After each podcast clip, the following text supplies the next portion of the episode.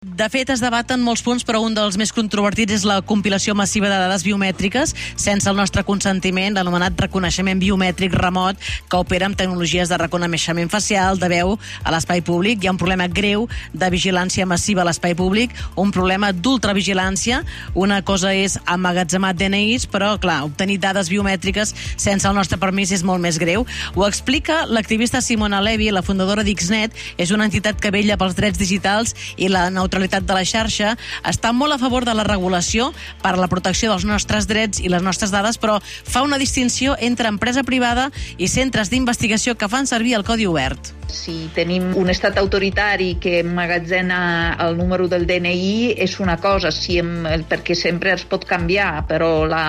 cara no es pot canviar. Són dades d'identificació que són permanents i eh, exposades, a més. I el que falta és el que se'n diu el consentiment informat, que és una qüestió molt important, una de les bases de la protecció de les dades, com estem defensant a Europa, no? com a un valor europeu de que la, les dades que de cadascú de nosaltres no es poden fer servir sense la nostra autorització, el coneixement. Ara bé, en tot això de la intel·ligència artificial hem d'anar en compte que no podem utilitzar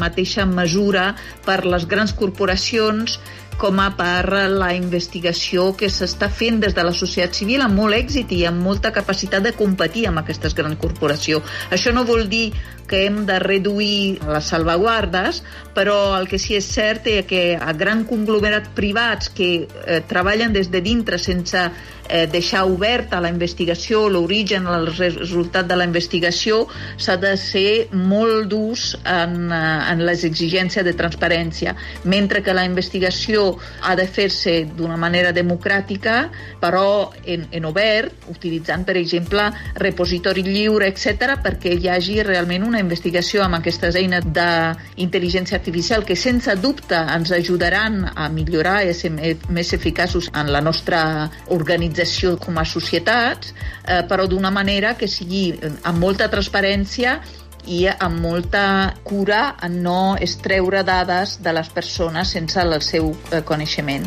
i amb molta atenció de les investigacions que es fan per raons comercials i institucionals i les que s'està fent com a societat civil de desenvolupament d'aquestes eines que igualment són eines que hem de defensar.